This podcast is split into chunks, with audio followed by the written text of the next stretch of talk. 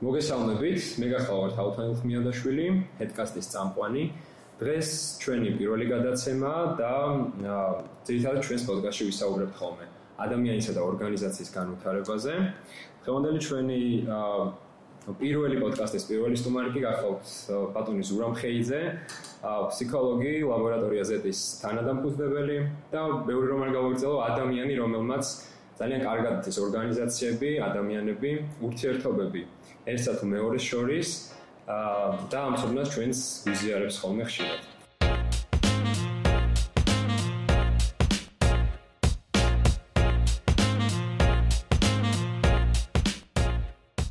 მადლობა ბატონო ზურა მოგზანებისათვის, მოგზანებით.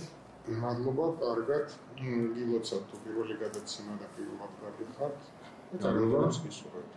მადლობა. აა ჩვენ პანდემიის ფონზე ვნახეთ ძალიან ბევრი ორგანიზაცია, რომლის მუშაობაც და ადაპტაციაც გამოდგა წარმატებული, ისინი შეეგუნენ ადაპტირდნენ არსებულ გარემოსთან და შეძლეს ბაზარზე მათი ადგილის გამყარება. ასევე ვნახეთ ორგანიზაციები, რომლებიცაც შეიძლება ლეტალურადაც დამთავრდა, ასე ვთქვათ, პანდემიის პერიოდი. მოდით დავიწყოთ იმაზე, საუბარი საინტერესო იქნება ამის მოსმენა, რა მოხდა წარმატებული ორგანიზაციების შემთხვევაში, რა წარმატებელი ორგანიზაციების შემთხვევაში და ბოლოს როგორ შეიძლება რომ როგორ შეიძლება იყოს უკეთესი ადაპტაციის მაგალითი. კარგი, იმისათვის რომ ვისაუბროთ თქვენ კითხვებთან როგორც დასვით კითხვები, არის რაღაცები რაც ჩანს ხედავ და იმაზე რა თქმა უნდა გეტყვით როგორც ფაქტს, არის რაც ჩემთვის უცნობია, მაგრამ გეტყვით თეორიულად რა შეიძლება დამოხტარიყო. ასე რომ ნაწილი ფაქტებს ემყარება, ნაწილი ასე ვთქვათ ლოგიკას რა მოხდა. აა თან საქართველოს მაგალითს. საქართველოსში თუ ვინმე პანდემიის დროს წარმატებული აღმოჩნდა, ეს არის აა სულიად შემთხვევითი, იმიტომ რომ მისი პროფილი, ბიზნესის პროფილი აა ხელსაყრელი აღმოჩნდა ამ იმპირობებში, რა პირობებიც დარგა, ხო? ეს არის მაგალითად ადგილზე მეტანის სერვისი, ვისაც ქონდა. და პანდემიამ გამოკეტა ეს ხალხი და იზოლაცია მოხდა, რა თქმა უნდა, მათ მიიღეს შესაძლებლობა თან თუ გახსოვთ, ადგილზე მეტანის სერვისის სამსახურებს საშვებიც ჰქონდათ და ყველა ვარიანტში, ყველა უფლება ჰქონდათ გადაადგილება თერმოსახლეობას პირიქით ჰქონდა ეს სიტუაცია, ამიტომ რა თქმა უნდა, ამისთვის ეს ძალიან წარმატებული იყო. ну წარმატებული ასეთ პირობებში პარი ხოლმე კიდე ფარმაცევტული იმათ წარმატება არ აკლიათ მაგრამ ძალიან დიდი წარმატება ისედაც მაგრამ კიდე დამატებითი შემოსავლები რა თქმა უნდა იმათუსაც ამიტომ ისინიც ბუნებრივ რაღაცაზე დასწრენ წარმატებული ჩვენ ვიცით იყო ტურიზმი იმიტომ მთელი აქცენტი მთელი შემოსავალი მათ შორის კრედიტების გასტუმრების ასე ვთქვათ წყარო ერთადერთი ზოგისთვის იყო რომ ეს ტურისტები და ჩამოსულიყვნენ და ასე ვთქვათ შემოსავლები კიდენ გაჩენილი აა აა როდესაც თუ ჩვენ ვინდა რომ ვილაპარაკოთ რომ ორგანიზაცია იყოს მდგრადი კრიზის სიტუაციებში მაშინ მის მენეჯმენტს უნდა კონდეს უნარი შეცვლილ სიტუაციას უპასუხოს. აი ვინ შეძლო საქართველოსში ეს შეცვლის სიტუაციას უპასუხოს?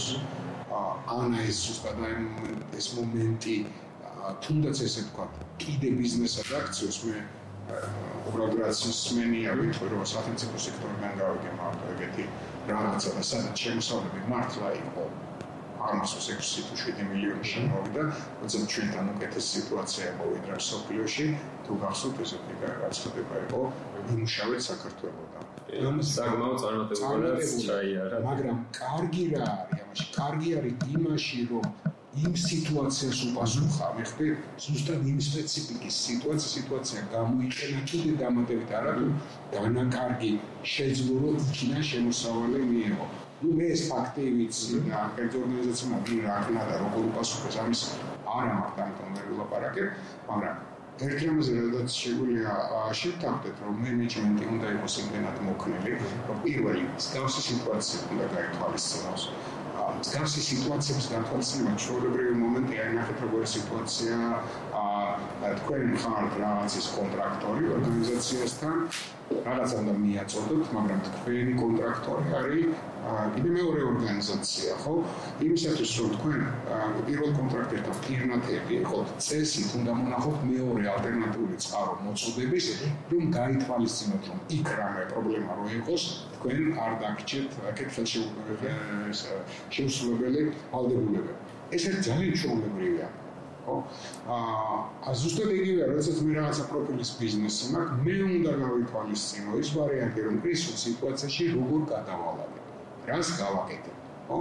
აა მაგალითად, სახელმწიფოს ხოლმე აქ აა კრიზისის სიტუაციაში მოქმედების გეგმა.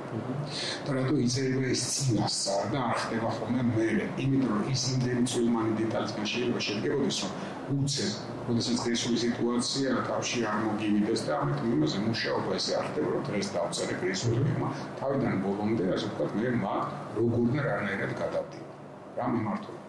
მე არ გონიერ საქართველოს იმას ეს ხო მეორე მენეჯმენტის კულტურა აგრეგის მენეჯმენტს მე არ ვეძახი იმას რა ქვია საშუალებულს კი არ ვეძახი ადამიანს რომელსაც ოთი კაცი ჩაუბარე და იმან რასაც ვეთქვი ის უნდა გააკეთოს და სტივ ჯობსი მიყვარს მისი ეს გამონათქომა მე არ ვას უნდა ციტირებ მაინდა მეც არ ამბობს რომ მე დაგიქირავეთ იმიტომ რომ მითხრათ რა გავაკეთო. იმიტომ თუ მე გითხარით რა უნდა გააკეთო თქვენ რა შეჭედებით მაგრამ ჩვენ ხელმძღვანელს და მენეჯმენტს ზოგადად უყვარს რომ შემსრულებლები ყავდეს პირნათლად ანუ არა მოფიქრალი ხალხი არა შემოქმედებითი ხალხი ძირითადად ლოკალურად ხო ისმით რომ ყველა ორგანიზაციას ეს არ ეხება მაგრამ ტენდენცია იქნება უფრო შემსრულებლები ყავდეს შესაბამისად როდესაც თითო აი ოდეს იყო თავარ გოლს დაუჭირდება მას არც გაწუთილი ყავს ამაში ხალხი რომ წინადადები შემოიტანოს არც როლი აქვს ხოლმე ვინმეს რო კრიზისის სიტუაციაში იმოქმედოს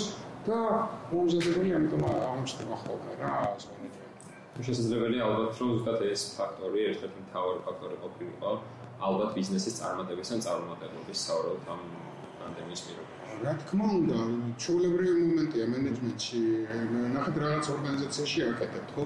იქ უნდა იყოს ჩულებრივი მათემატიკაც თუ ვიცი მეოთხე კლასის მე არის დამოკიდებული ცოდე, არის დამოკიდებული ცოდე. არის რაც ჩემს ხელშია, მაგრამ არის რაც ჩემს ხელში არ არის. ხო, ალბათ მე ბენზინ გასამართის ადგური, ხო? ჩემს ხელშია ბენზინის გაკიდვები და თქვა გასამართის ადგური, მაგრამ ბენზინი არ არის ჩემს ხელში. შესაძლოა თუნდაც მე კრიზისულ გეგმაზე ვფიქრობ რაღაცა რომ მოხდეს.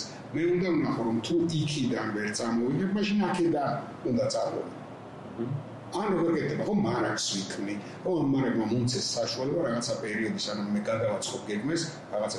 ეს არის ელემენტარული ელემენტარული მენეჯმენტის დამახასიათებელი ამაზე იფიქროს.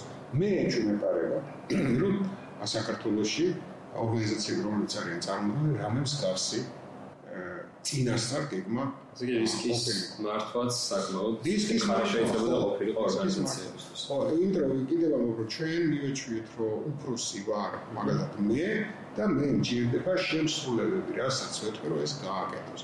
და სპეციალიზ როგორც კი ამ როლს აძლევ თანამშრომელს, რომ თანამშრომელს შენივე ქვე უფროს სხვა უფლებები არა, ის ამ როლს ეგუება.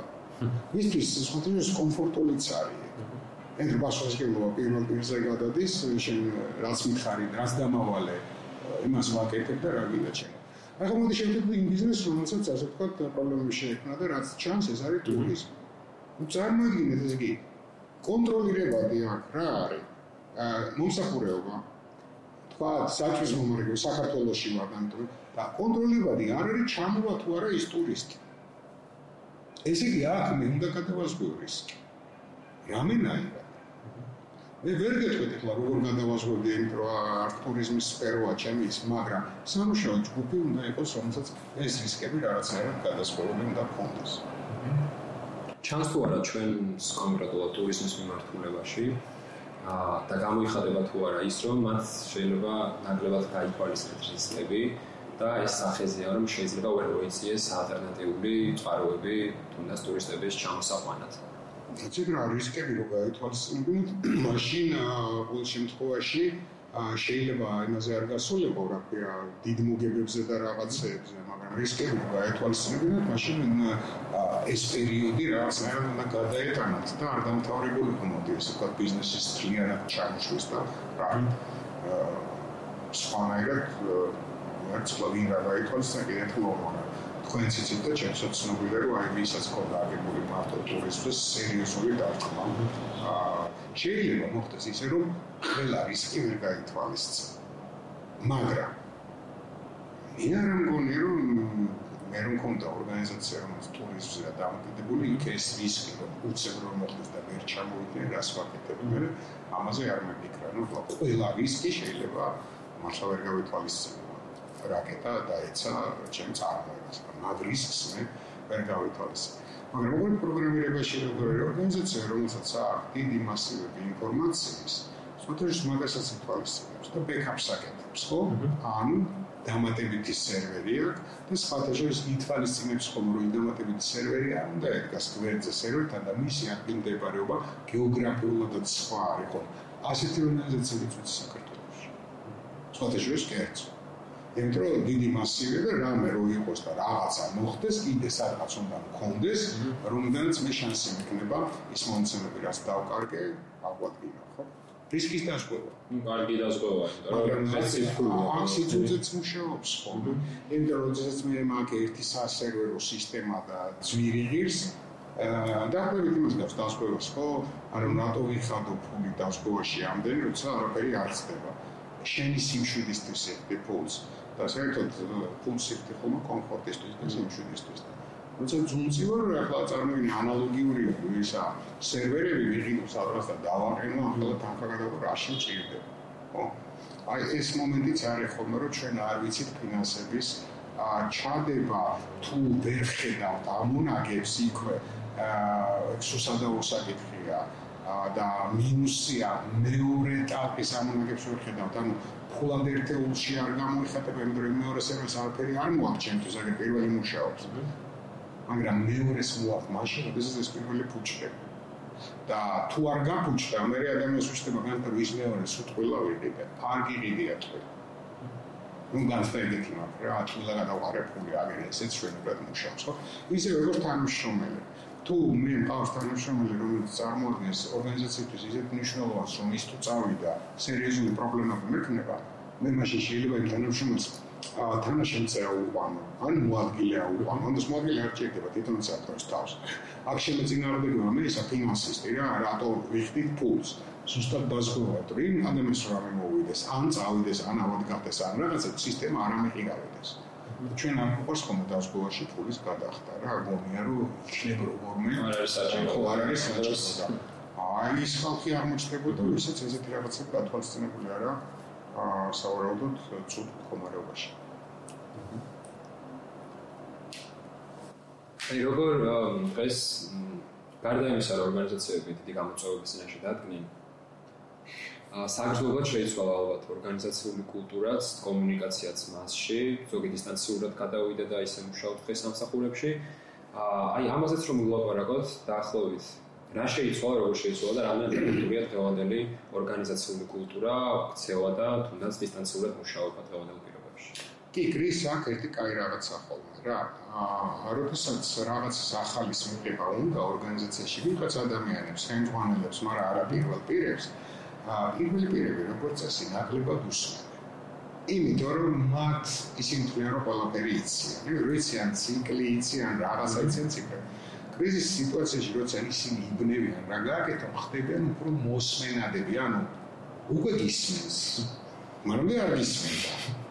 აა მე მგონი ეგ მოხდა ორგანიზაციაში და აი პირველმა პირებმა თქო დაიწყეს მოდი ასე ვთქვათ ქვედა პოზიციებში ხალხის მოსმენა რომელიც არ არის ნაკლები ჭკვით თავისი მიმართულებებით ხო მე რაც ვიცი არასახელი ორგანიზაციებს მაგრამ ნამდვილად ვიცი აა ორგანიზაციამ აღმოაჩინა რომ მაგალითად სადაც 200 ხალხს სუტყვილ ატარებდა სამსახურში არანაირი ამის საჭიროება არ იყო იმიტომ რომ მისი საქმიანობა სულ თავისუფლად ხდებოდა ონლაინ რეჟიმში. რატო ხდება ხოლმე ეს კონკრეტული?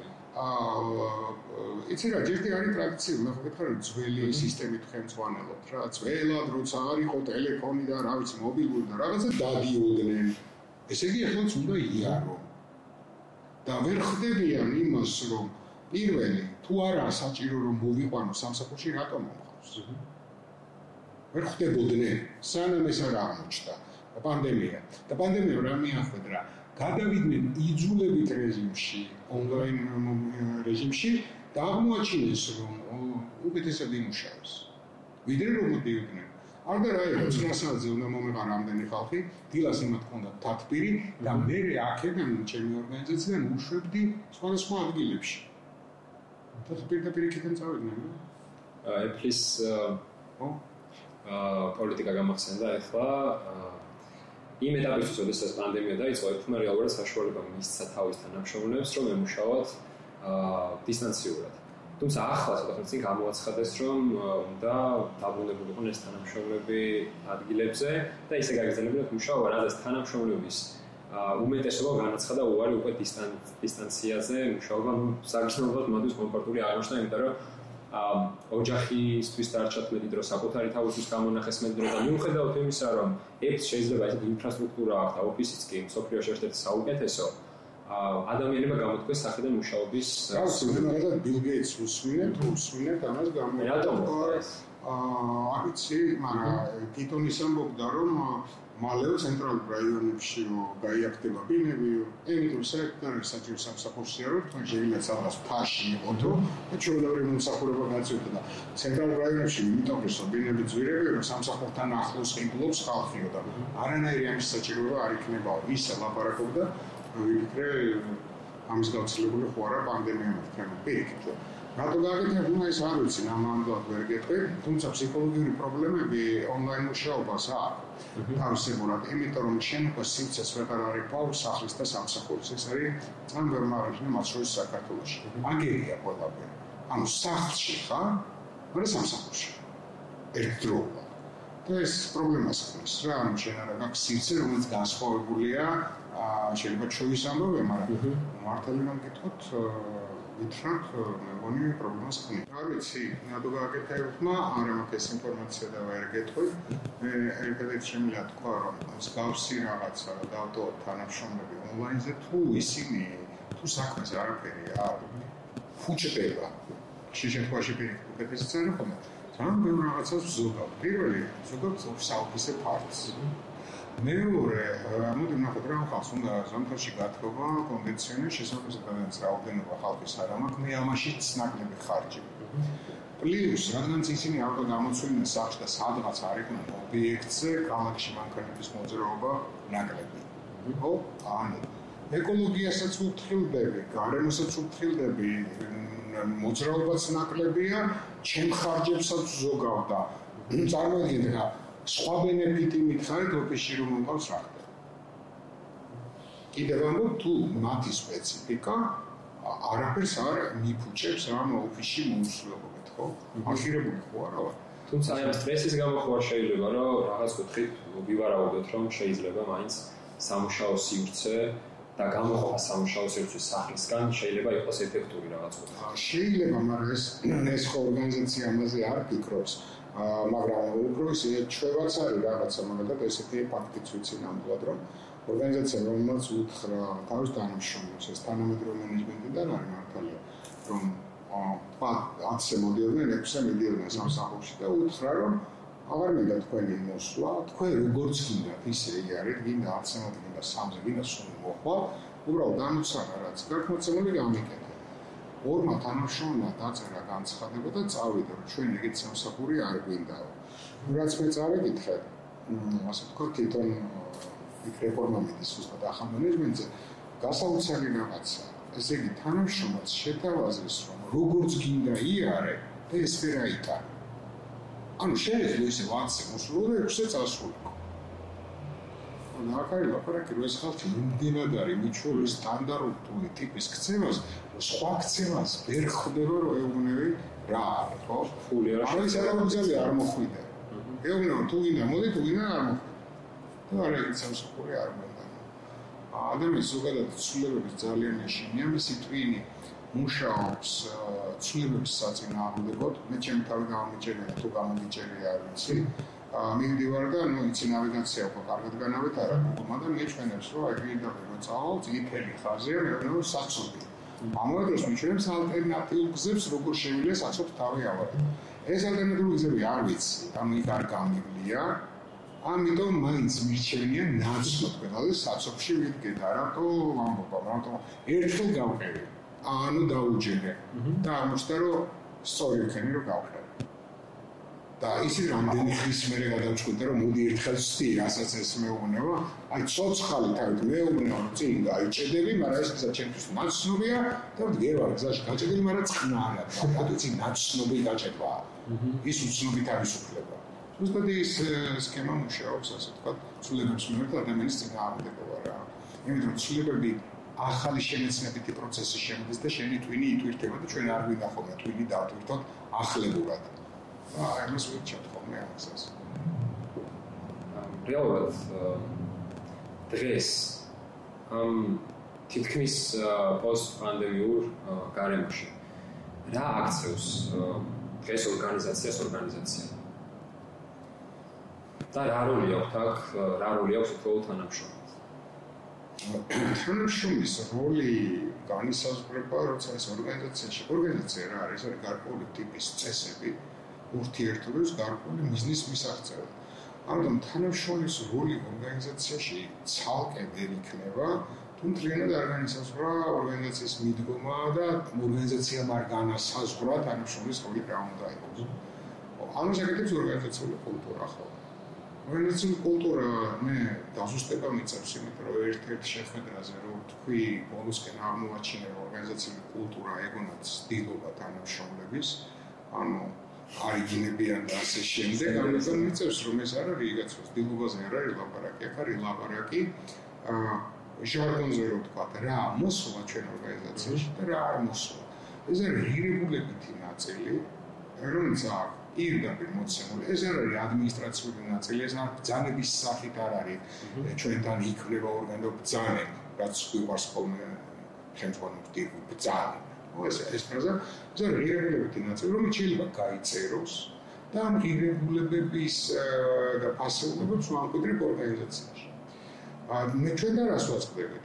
აჯერტის ორგანიზაციას არ აქვს ხოლმე. მეორეც ერთი აქვს, მაგრამ ორგანიზაციის ქცევა არ შეესაბამება თვითონ რეგულირებას. უცებ შემოგვარგოთ ინფორმაციის მიწოდებაზე, მაგალითად თანამშრომლებზე ინფორმაციის მიწოდება ჩვენ გონია მიწოდება როცა მე გამოდივარ კრებაზე და ბამბობ სიტყვას ან უგზავნი ელექტრონული პოსტით და მგონია რომ ეს არის ინფორმაცია მივაწოდე არ არის ეგრე. ნებისმიერი ჩემი ქცევა ორგანიზაციისთვის არის ინფორმაცია შესაბამისად შეიძლება ხმა არ ამოვიღო მაგრამ როგორი ქცევა ორგანიზაცია ის თანამშრომლებს არის ინფორმაცია. აი ჩვენ შეიძლება სადღაც ვისწრეთ ხო ერთად და ვიღაც ადამიანი არ უთქვავს რომ მოწყენილია, მაგრამ მე რადგან დასმება ვიგეთ რომ მოწყენილია, უხასიათოა. მეორე წამოდ გამთქვას რომ გაბრაზებული და გაი ჯახუნა კარი. მაგრამ ჩვენ ისეთ რომ გაბრაზებული, ანუ ინფორმაცია არ არის მარტო როცა მეტყველება. ინფორმაცია არის ქცევაც. როდესაც ქცევა ორგანიზაციის განსხვავდება ხომ ქაღალდზე დაწერილი რაღაცა დოკუმენტებისგან, რა თქმა უნდა ის სოციალიზირებული ვერ იქნება ადამიანის მიერ, იმიტომ რომ ის არის ყველა ქაღალდი ცალკეა და რაღაცა. მეორე კომპონენტი, როდესაც რასაც არ ფიქრობენ ქართული ორგანიზაციები გასაუბრები, აა ჯამბო ფულს ხარჯავენ იმაში, ო, მარკეტინგში, მე ბილბორდებზე, ტელევიზიას აძლევენ ჯამბო რეკლამას და რიციან რომ ორგანიზაცია იგიდება ორ მხარეს. პირველი გარეთ და მეორე საკუთარ თანამშრომლებს. და ისიც კი არ აქვს ხოლმე გარეთ კონცეფცია როგორ უნდა გაიგებს, მაგრამ მეტნაკლებად ეგ მოწესრიგებული აქვს, ნუ ზოგს საერთოდ არ აქვს, ხო? ისე რეაგირებს უცებ რაღაცა. თუმცა კონცეფცია იწერება როგორ პირი ჩემ ორგანიზაციას გარე ადამიანებისთვის, ანუ სამიზნე აუდიტორიისთვის, ასევე მე უნდა დავწერო როგორ პირი ჩემ ორგანიზაციას ჩემ თანამშრომლებს. და მე არ მინდა ჯერ სამსახური, რომელზეც გაწერილი ქონდეს კონცეფცია, რა უნდა იყოს ჩემი ორგანიზაცია საქართველოში. რა უნდა იყოს ჩვენი ორგანიზაცია ჩემი თანამშრომლებს. და როცა ღონისძიებების გეგმა და ბიუჯეტი გამოიყენება გასაკიდად ჩემი ორგანიზაციის გარე იმაში რა გარეთ მინგებისთვის ხო? ზუსტად ისე უნდა დაიგოს ხომიზებები და ბიუჯეტი რას ვაკეთებ ჩემი თანამშრომლებს ჩვენ განიციან team building-ი ცუდი არა ოდესე ჯგუფის შეკრა ქვია ამას ხო?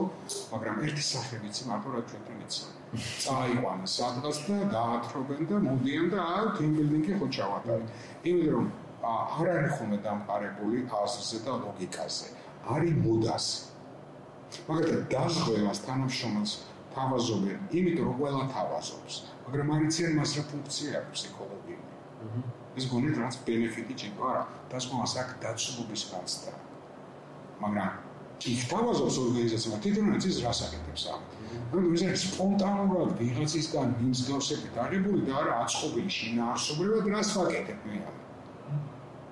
აი ეს არის რასაც მე ვაწყდები ხოლმე თუ სწორი რაღაცები აქვს ხშირად ის არის ის მას რა მნიშვნელობა. ანუ სად მოქმედებს ფსიქოლოგიურად ეს არის ეს აა კიცი რატო სადღაც ნახა წამოიღო სადღაც ნახა წამოიღო აა და შეიძლება მართლა კარგი რაღაცები მაგრამ გაგებაში არ არის რატო აქ? უბრალოდ გეტყვის რომ იმას ხო ეს არ ხდება ცოტა ორგანიზაციის მართვაზე საუბრო ყველაფერი ხდება გააზრება როგორ შეიძლება რომ აი ეთნას ეს პრობლემა რომელ რომელმაც შეიძლება თეორი აა ნეგატიური რამ შეცინოს ორგანიზაციას რა იქნება solution, რა იქნება გამოსავალი ამ შემთხვევაში, რომელიც შეიძლება ურჩიოთ, თქვათ, მენეჯერებს ან დირექტორებს ან ხელმძღვანელებს ან დამაარსებლებს კომპანიას. ახლა ძალიან ზოგადია ჩემი რჩევა ამ შემთხვევაში, ხო? აა ხელმძღვანელობა არ არის რბილს კამზე ჯდომამ დივანის ხოლა და ბრძანებების დაცვა. არ არის ეს, ხო? და მარტო იმაზე კომერციული დეპარტამენტთან ურთიერთობები მეტყვი, რომ იმას აი პოლიცია შემოვიდა დანარჩენი ისინი სამსახურები არ მაინდა თავარი კომერციული. ეს არის აბსოლუტურად არასწორი. ერთი ორგანიზაციას უნდა უყურებდნენ როგორც თლიან სისტემას. და იქ ლიფტი ორი თუ ყავს, უნდა გესმოდეს რომ თუ ლიფტი არ გაფუჭებულა, ესე იგი მაგარი ლიფტი ორი ყავს, იმიტომ რომ ლიფტი ორი შენ გახსენდება, მაშინ როცა ლიფტია გაფუჭებული. და ვერ ხვდები რომ ძალიან კაი ლიფტი ორი ყავს, რასაც ლიფტს პრობლემა არ ხო? ვიცი, ამიტომ ჩასწელი ჩვენი ყურადღება ხელმძღვანელების მიკრობილია კომერციასთან. გაგიდა, ეხიდა მოიქო და ნაკლებ სხვა. ეს არის არასწორი. ეს არის მთლიანი ცოცხალი სისტემა და ნებისმიერი სტრუქტურა. შენთვის არის მნიშვნელოვანი. როგორც კი მე დავიწყებ რაღაცები ჩემთვის უფრო მნიშვნელოვანი და ნაკლებად მნიშვნელოვანი, ეს არის არასწორი ხედვა. ორგანიზმი რატო ვახსენე, ხო? თავი მნიშვნელოვანია და გული არა. და კუჭი ის რა შეჭირდება, ხო? ერთსა ეგ მიგმომები იქნება, მე რენახავ ის რა შეჭირდება კუჭი და გული, ანუ ძამე რაღაცას უყურებთ. ეს არის ერთი შეცდომა. მეორე, არის თვითო მართვის აზარტი და სიყვარული. რაც ამ დაგებული სისტემა კონდეს, იფიქრე რა კი. იფიქრე რისი გაუმჯობესება შეიძლება. მესამე არის საკადრო საკითხი. საკადრო საკითხი რას ნიშნავს? აა ჩვენ ვიცით ესე რომ პრობლემური კადრს რომ ივაგნებთ, იქ მაინტერესებს მისი ჩანაცვლება ან რაღაცაზე ვფიქრობ. მაგრამ არ გიდე კადრების მაქსიმალურად ეფექტურად გადანაწილება, შეიძლება ჩვენ ყავს თანაშრომი, რომელიც სადღაც ზის და კარგად აკეთებს საქმეს, მაგრამ სხვაგან რო გადაიყვან უკეთესად გააკეთებს და ამაზე არ ვფიქრობთ ხო? ანუ მის შესაძლებლობებს არ არ განვიხილავთ, იმიტომ რომ იქ კარგია. და შესაძლოა. მეოთხე შეცდომა არის რომ მივატრებთ ამ ჩვენ კარგ თანამშრომლებს ვერტიკალში ზევით. და არა ვერ ხვდებით რომ ვერტიკალში გადაადგილება არის მისთვის ფუნქციების შეცვლაც. და ფაქტობრივად მანამდე ვაწვევით ამ ვერტიკალს სანამ არ აღმოჩნდება იქ სადაც ვეღარ შეძლებს. და მე ვაგდებთ. ეს არის ჩემი მოსაზრება, არის პიტერის ციგნი და ზუსტად ეგ წერია რომ კაი პოსტალიონი ყავდა ორგანიზაციას და იმდენად კაი რომ დანიშნა პოსტის უფროსად და პოსტის უფროსები იყო ცუდი. ერთი წელი უყურავ და მე გააგდო და მოდი გავანაძოთ სისტემამ რა იდიოტობა გააკეთა. პირველი გადაადგილებით დაკარგა კარგი იმიტომ რომ კარგი იყო. მეორე მიიღო ცუდი უფროსი, ერთი წელი მან ორგანიზაცია ვერ ამუშავა და მე გააგდო. ან მან დაკარგა ყველაფერი ერთი წელიც. ცუდი მენეჯმენტის და კარგი პოსტალიონიც. და თავი გონია მაგა. ანუ ვერტიკალში დაწინაურება აქაო და კარიერა შექმნა ეგრე არ არის და თან ნახეთ თუ მე მეგერე როგორც კონტროლმა გადაწყვეტილება და ვიღაცა დავაწინაურე და ის არ აღმოჩნდა კარგი. მაგათ ცუცუთა 50% ხო ჩემი ბრალი.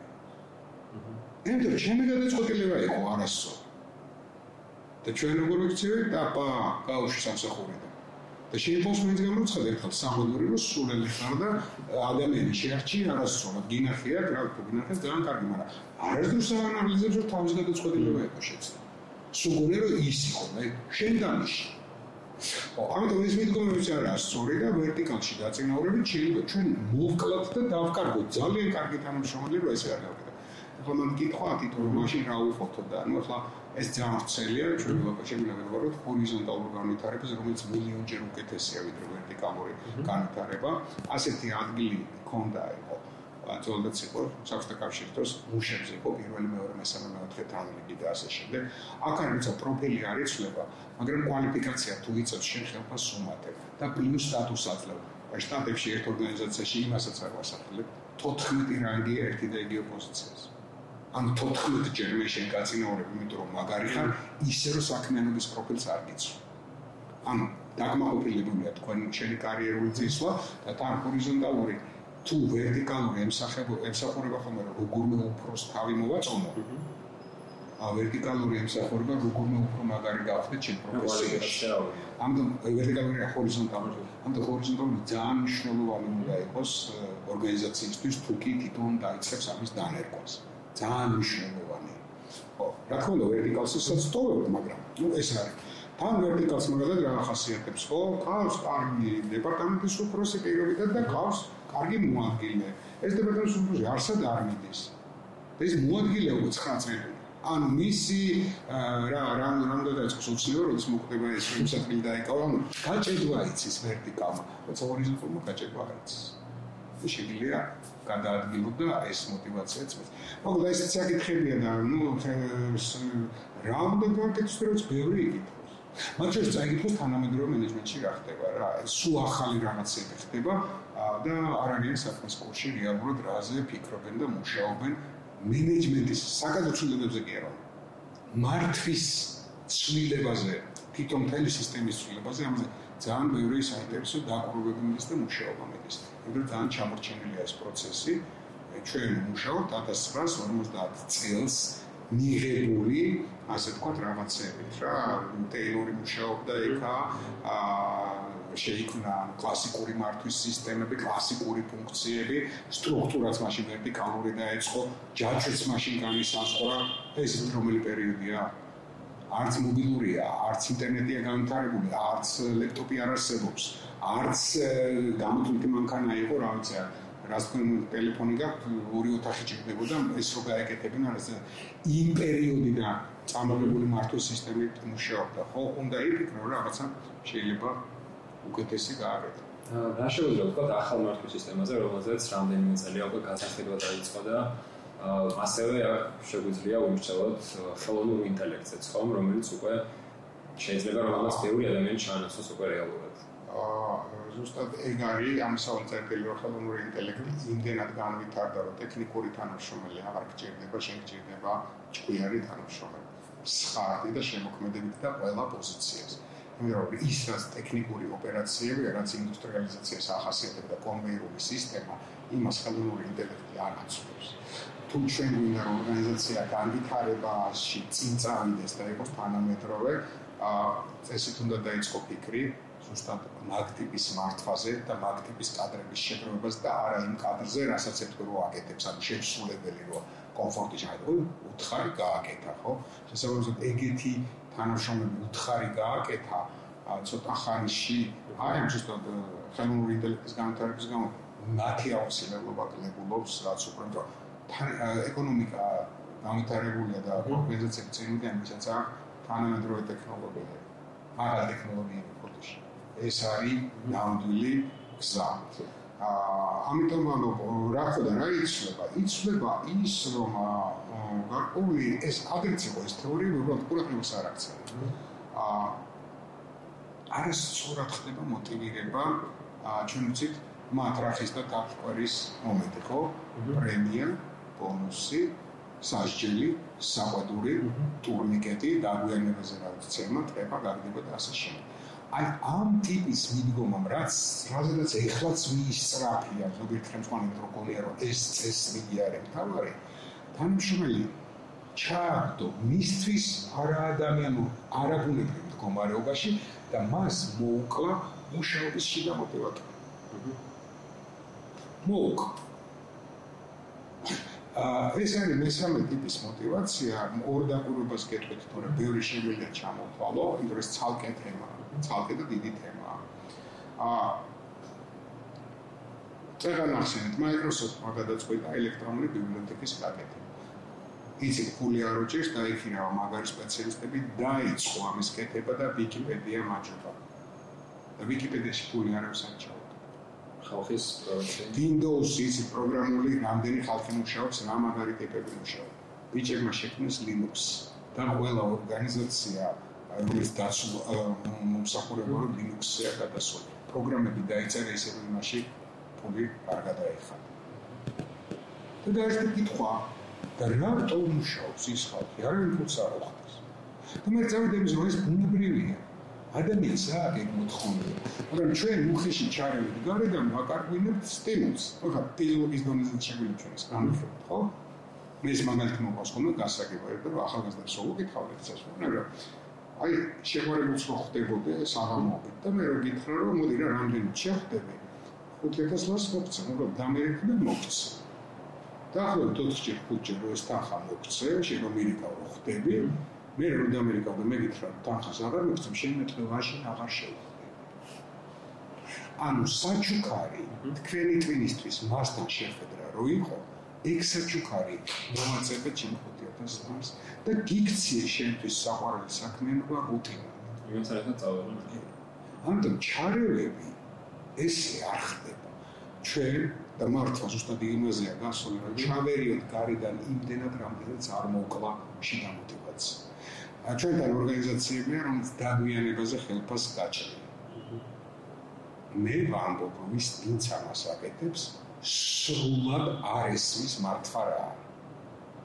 იმიტომ რომ 30 ლარი ერთგან დაგვიანა, დაგვიანა 30 ლარია. წამოდგა დილას თანამშრომელი უღურებს რა აგვიანდება, ტაქსი უნდა დაიჭიროს, ფული უნდა გადაიხადოს, ან მოასწრებს ან არას და ნახერაშება გადაფონდა და დაიჭირა. 30 ღარი გადახდილია. ან ჩვენ თანამშრომელი მივაჩვიეთ ყიდვას არაწესიერი ქცევის. და ის ხო წესიერად ქცნობს თავს. რატო გზნობს წესიერად თავს, რომ გადაგიხადა. ერთ შეიძლება მოვიდე 100 ლარი, მოგცა და გითხრა 3 დღე არ მოვა. შეხ მეკვითა. და მეკვითე. მიხდი სულ სხვა დამოკიდებულებებს აფარებს. და ვიღაცას არ გონია რომ მაგარი რაღაცა მოიფიქრა. კი ბატონო, ჩემი თუ არ ჯერათ ის რაც ერთ-ერთი სერიოზული დაპყრობა იყო ესეთი რამდენიც ჩემთვის ძალიან ხიარული იყო, რომ შოვლები აღგენებდნენ ბავშვების გაყვანას ბაღიდან. და ესენი ნუ იფიქრეს რომ მოდი გავაკეთოთ ჯარიმა.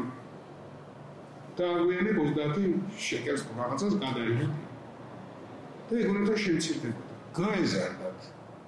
დამგვიანებელი მშობლები გაიზარდა კატასტროფულად. როგორც კი ამათ ფულად რა კეცი?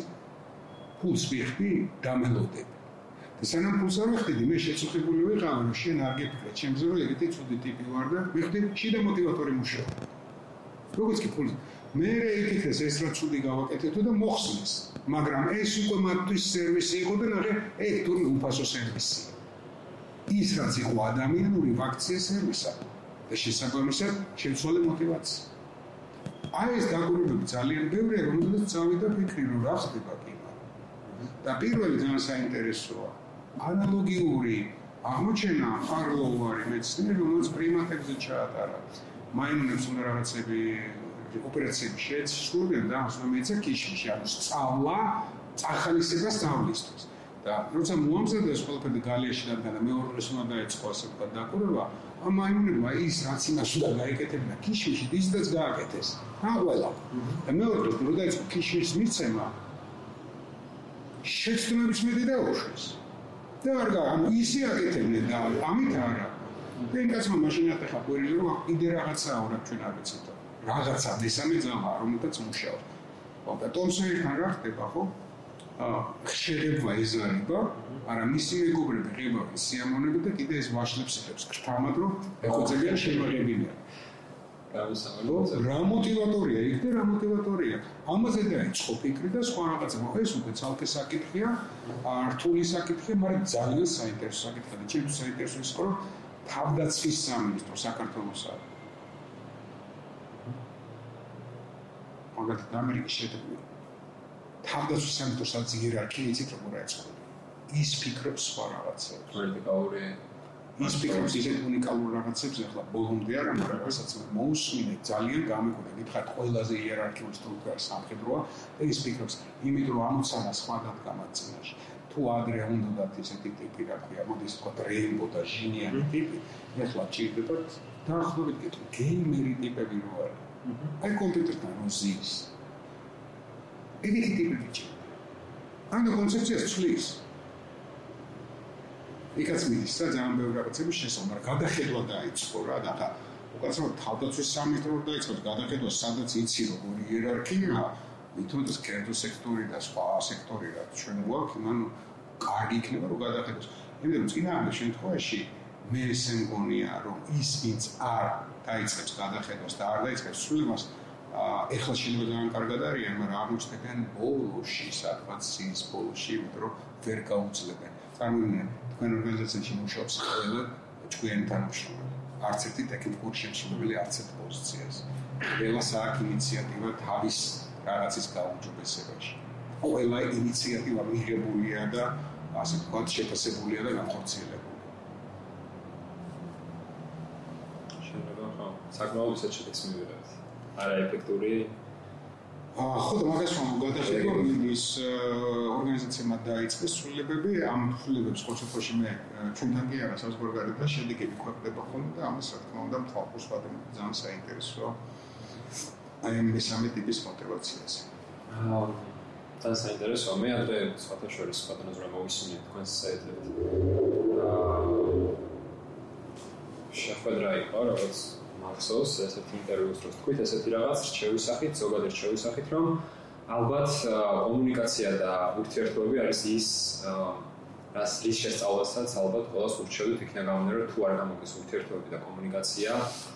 ალბათ ამით უნდა დაიწყო, იმიტომ რომ დღეს ყველაფერი არის ამაზე აგებული და ამას სხვა კიდეც უბრალოდ მოგეხმარებით, ჩვენ ხო გიყვარს მოშველიება უცხოელების რო არ იყოს რომ მე ქართულმა თქვიე და რაშიც მუშაობ აა ექსპერიმენტი რომელსაც ამერიკელები ატარებენ საფოს დასაწყის ამერიკელებს ვახსენებ იმიტომ რომ ძალიან ძლიერად აქვს სოციალური ფსიქოლოგია ძალიან პრაგმატულები არიან ზიგცევს სწავლ იგივეს რომ სამშაო პირობების გაუმჯობესება როგორ იმოქმედებოდა შრომის ნაყოფიერებელ და პროდუქციაზე.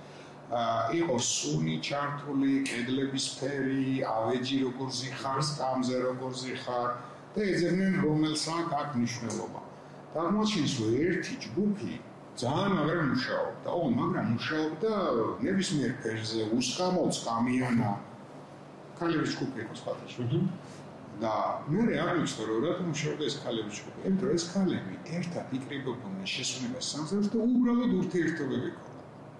და დანჩეჯგუბებს ეს ურთიერთობები არ ქონდა მარტო სამუშა.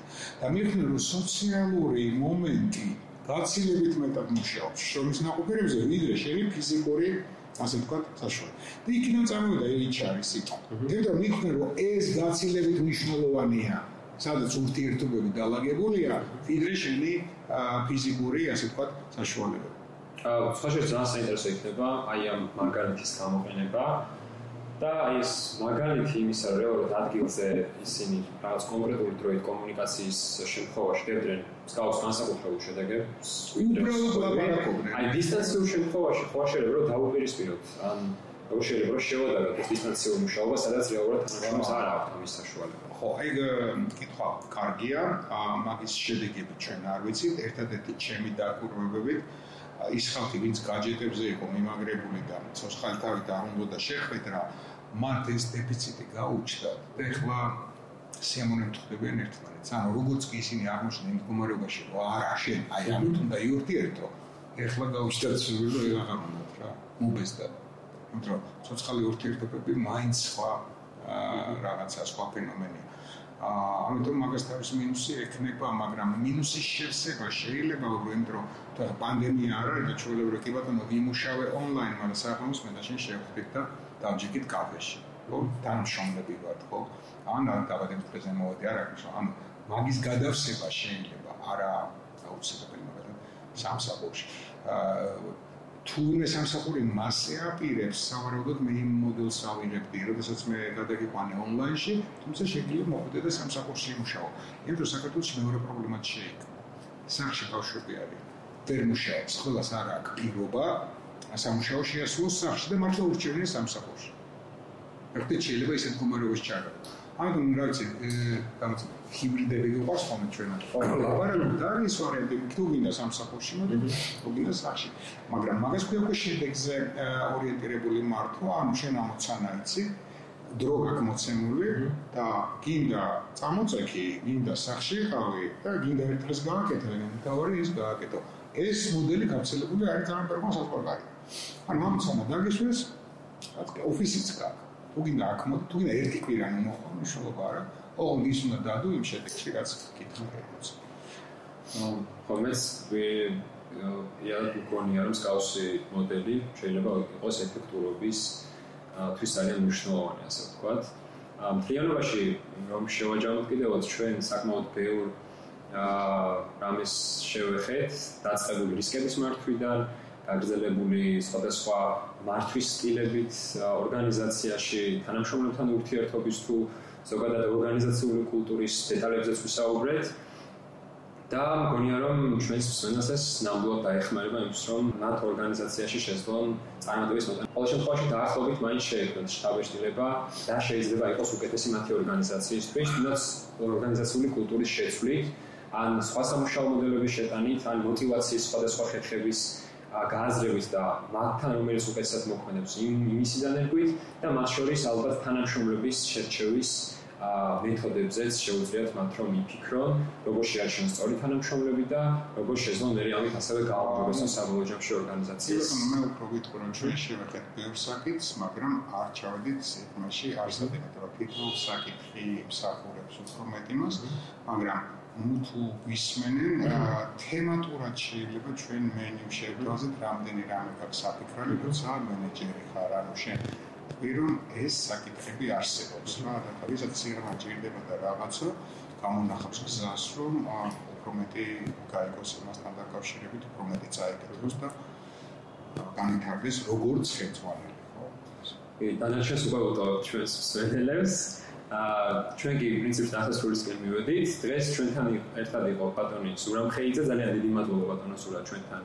აა პირველი სტუმარი ბრძანდებით ჩვენი და ძალიან მიხარია რომ თქვენი ყავით ჩვენი პირველი სტუმარი.